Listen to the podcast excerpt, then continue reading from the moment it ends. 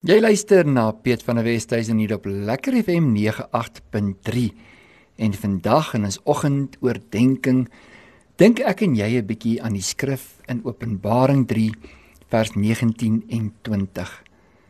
Bly dan 'n voorreg om die woord van die Here te kan oopmaak en so met mekaar ook te kan deel en 'n paar gedagtes van hart tot hart vir mekaar te kan sê. Die gedeelte in Openbaring 3 praat oor hy wie aan die deur van ons harte klop. Die wat ek liefhet, sê hy, bestraf en dissiplineer ek. Wees dus ernstig en bekeer. Hier is ek. Ek staan by die deur en klop.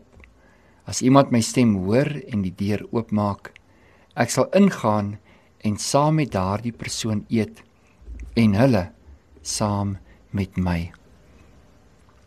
Baie kragtige gedeelte in die woord van die Here. En ons wonder baie keer wat is daardie deur waaraan hy staan en klop. Hy staan by jou hart vandag. Hy klop by jou hart. En daar's net een persoon wat die hart kan oopmaak. En dit is jy. Niemand kan namens jou die deur oopmaak nie, want dit sou 'n vorm gewees het van manipulasie. Iemand sou in self ingedring het om die deur van jou hart oop te forceer. En so baie keer probeer ons daardie deur oopkry deur mense te manipuleer of mense met vrees te indoktrineer. Dis die liefde wat maak dat jy die deur oopmaak. Daardie liefde wek vertroue. Wanneer jy in afhanklikheid teenoor God leef, dan is jy ook op 'n plek in jou lewe waar jy daardie deur vrywilliglik oopmaak. Hoe seer, hoe moeilik, hoe onvanpas dit ook al vir jou mag voel en wees, dan maak jy daardie deur van jou hart vir hom oop. Hy sê die wat ek liefhet, bestraf en dissiplineer ek. Daar's baie mense wat bandeloos lewe, ongedissiplineerde lewens het. Hulle luister na niemand en niks nie aanvaar die raad en teregwysing van niemand en niks nie. Die woord sou dit as rebellie geklassifiseer het. Jy mag enige klassifikasie daarvoor hê, maar seer is nie 'n verskoning vir weerstandigheid en opstandigheid teen die woord en die wil van die Here nie. Wanneer 'n mens seer het, dan moet 'n mens daardie seer in die oë kan kyk en kan weet hierdie teleurstelling, hierdie tekortkoming wat ek in my hart beleef, ek wil daarmee deel. Ek wil daarmee deel in die liefde van God. En vir 'n oomblik gaan jy 'n bietjie vulnerable voel. Dit is nie altyd lekker om jouself so bloot te stel voor eh, God en ja, selfs voor mense wanneer jy vir iemand moet gaan sê ek is jammer nie. Maar dit is die pad na vrymaking. Dis die pad na verlossing. En dis die pad wat ek en jy in ons lewens verloop. Die wat hy liefhet, hy bestraf en dissiplineer hulle. Ek sê baie keer en ek het dit gesê vir my kinders, hulle is nou volwassenes, maar ek het hulle gesê as niemand jou meer teregwys nie, dan moet jy weet jy's op 'n baie gevaarlike pad. As niemand om jou meer die pad van geregtigheid ken en met jou daaroor praat nie, dan is jy in verkeerde plek wanneer alles wat jy doen, wat jy weet buite die wil in die woord van God is en as niemand wat jou daarop let nie, dan is jy op 'n pad wat vernietigend van aard is. Dis goed om by hulle te bly, naby hulle te wees wat die geregtigheidspad kies. Hulle wat vir jou kan sê te veel links, te veel regs. Hulle wat vir jou kan sê dit is nie die wil van God vir jou lewe nie of die woord sê iets anderste.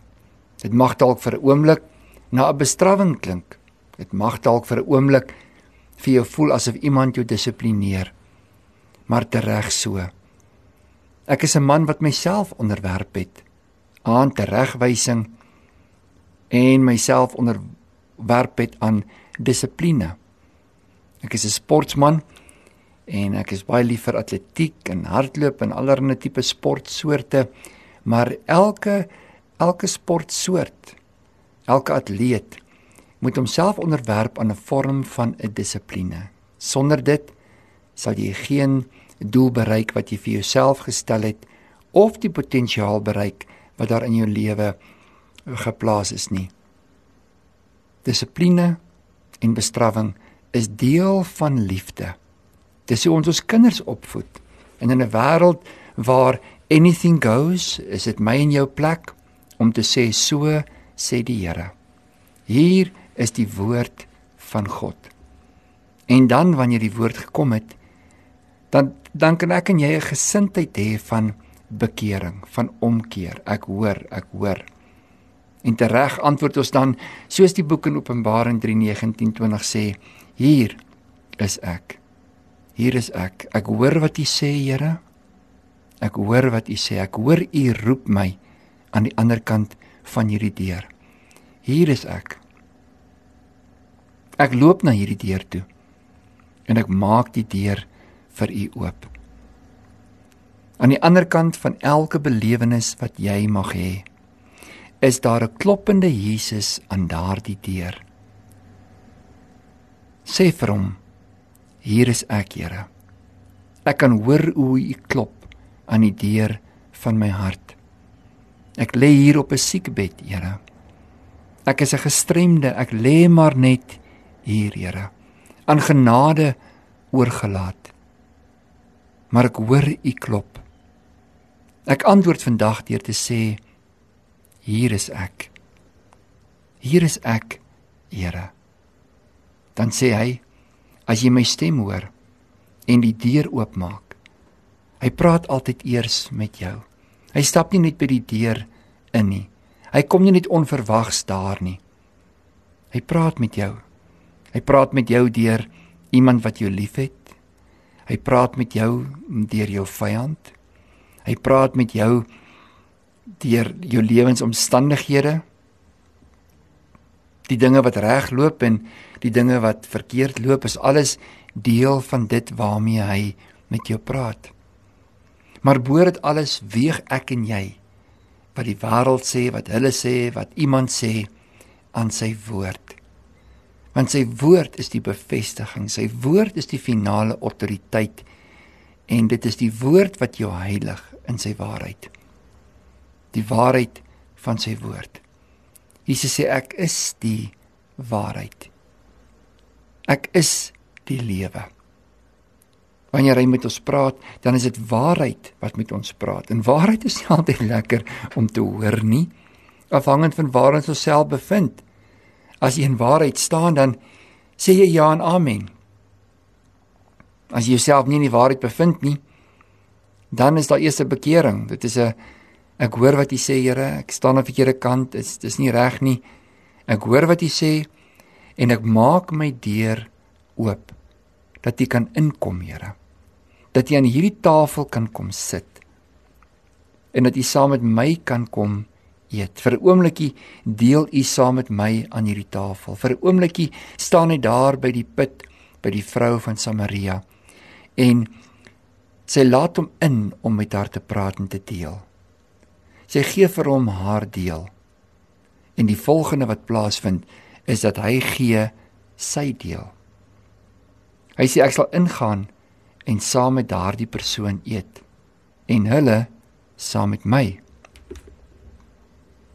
Hy sal eet wat jy vir hom gee.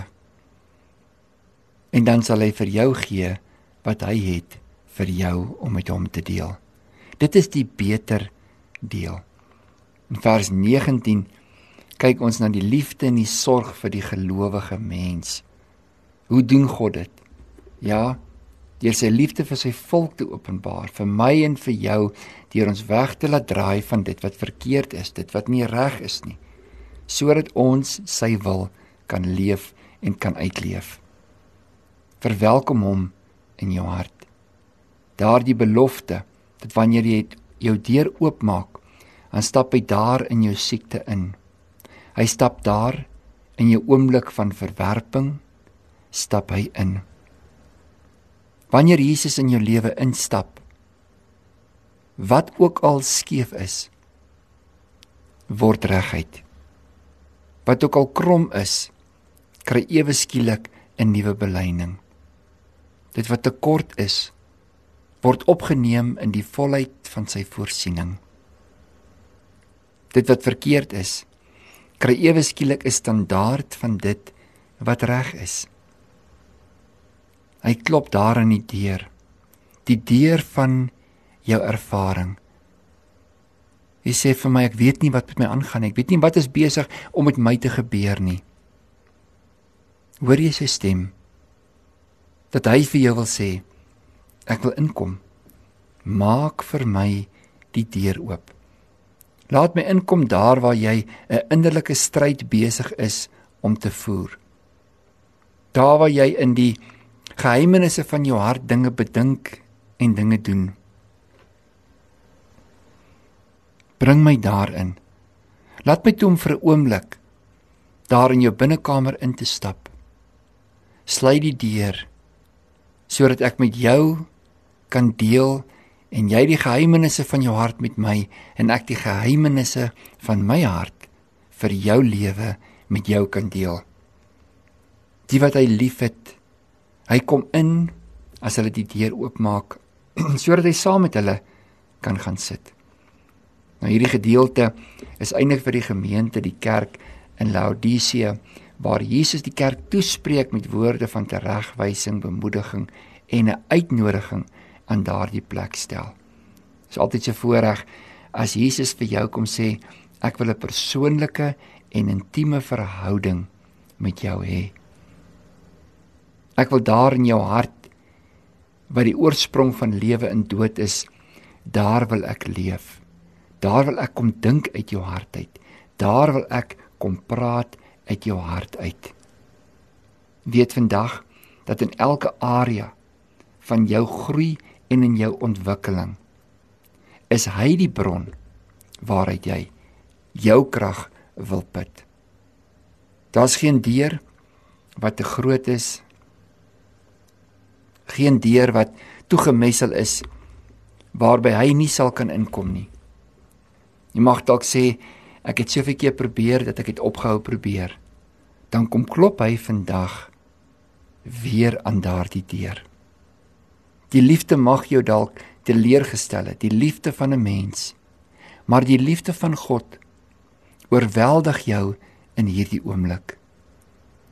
Ek is saam met jou. Ek is hier. Soos in my tempel het ek 'n vars broodkoek vir jou hier kom neersit op die klip. Eet my profeet sodat jy versterk kan word vir die pad waarop ek jou besig is om te lei. Moenie terugkyk na die dinge wat fout gegaan het nie, maar weet dat nou dat ek hier saam met jou is, is die weg, die waarheid in jou lewe hier in jou midde. Hier in jou hart wys ek vir jou die pad. Hier in jou hart bedien ek jou met die waarheid.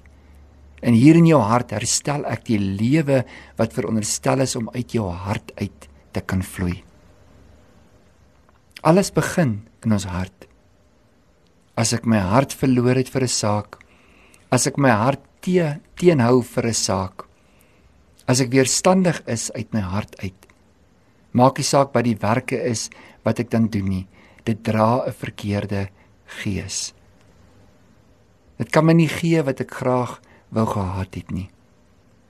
Wanneer ek my hart draai tot 'n saak, wanneer ek my hart oopmaak, wanneer ek my hart weer gee, dan kan God in daardie hart kom werk.